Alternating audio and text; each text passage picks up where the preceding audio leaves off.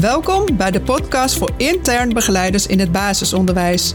Mijn naam is Lucienne Gravenstein en ik werk al meer dan 25 jaar met veel plezier in het basisonderwijs.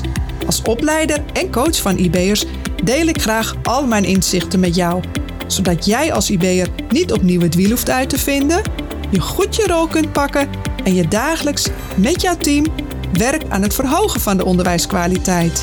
Het is mijn missie om voor elke school een eigen vaste IB'er op te leiden, zodat er duurzaam aan de schoolontwikkeling wordt gewerkt. Om die reden leid ik met veel liefde en energie startende IB'ers op die proactief, daadkrachtig en enthousiast zijn. Oftewel, IB'ers waar iedereen blij van wordt. Let's go!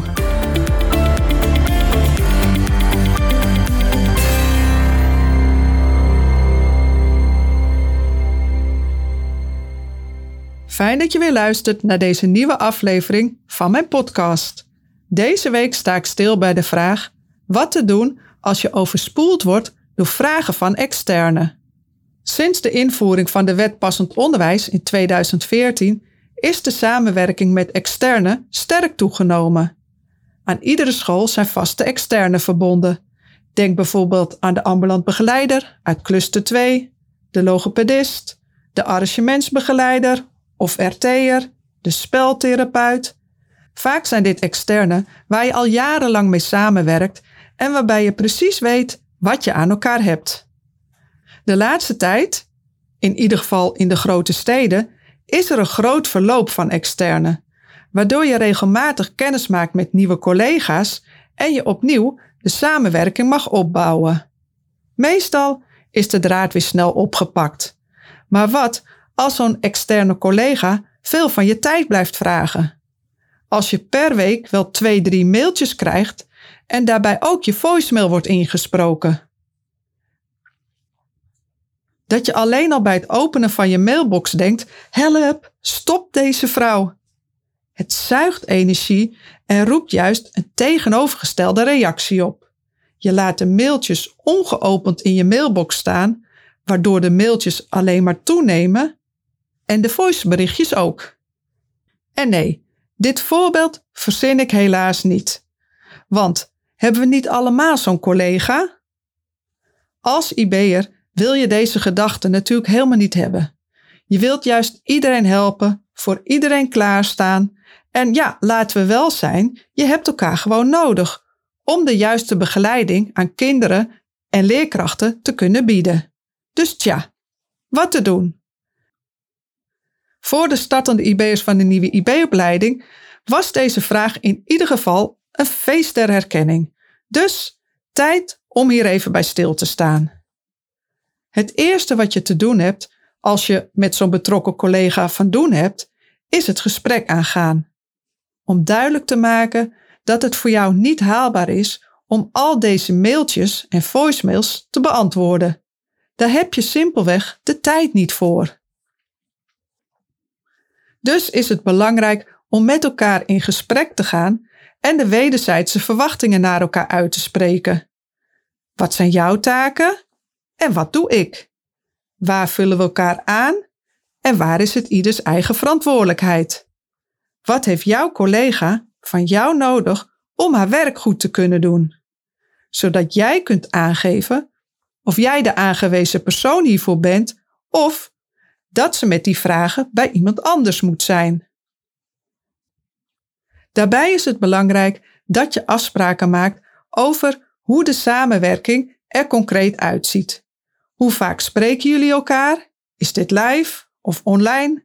Welke onderwerpen zijn belangrijk om met elkaar te bespreken? En wat spreken jullie af over het mailcontact?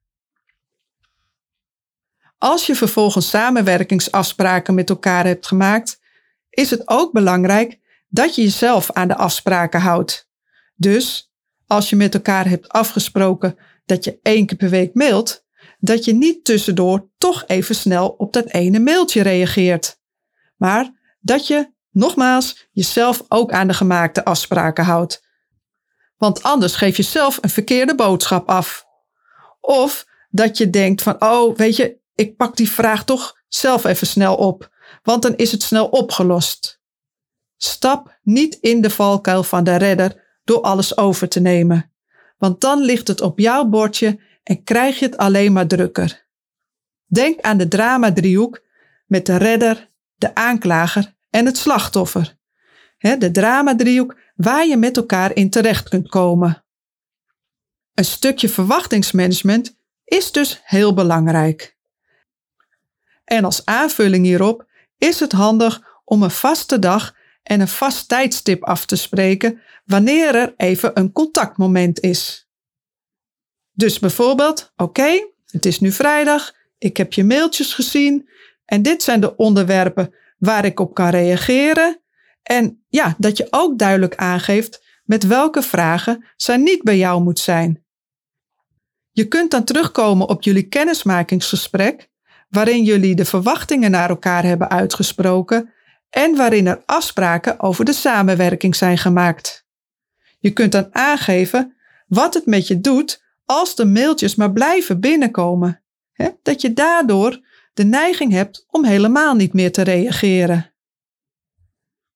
Dus wat staat je te doen als je overspoeld wordt door vragen van een externe?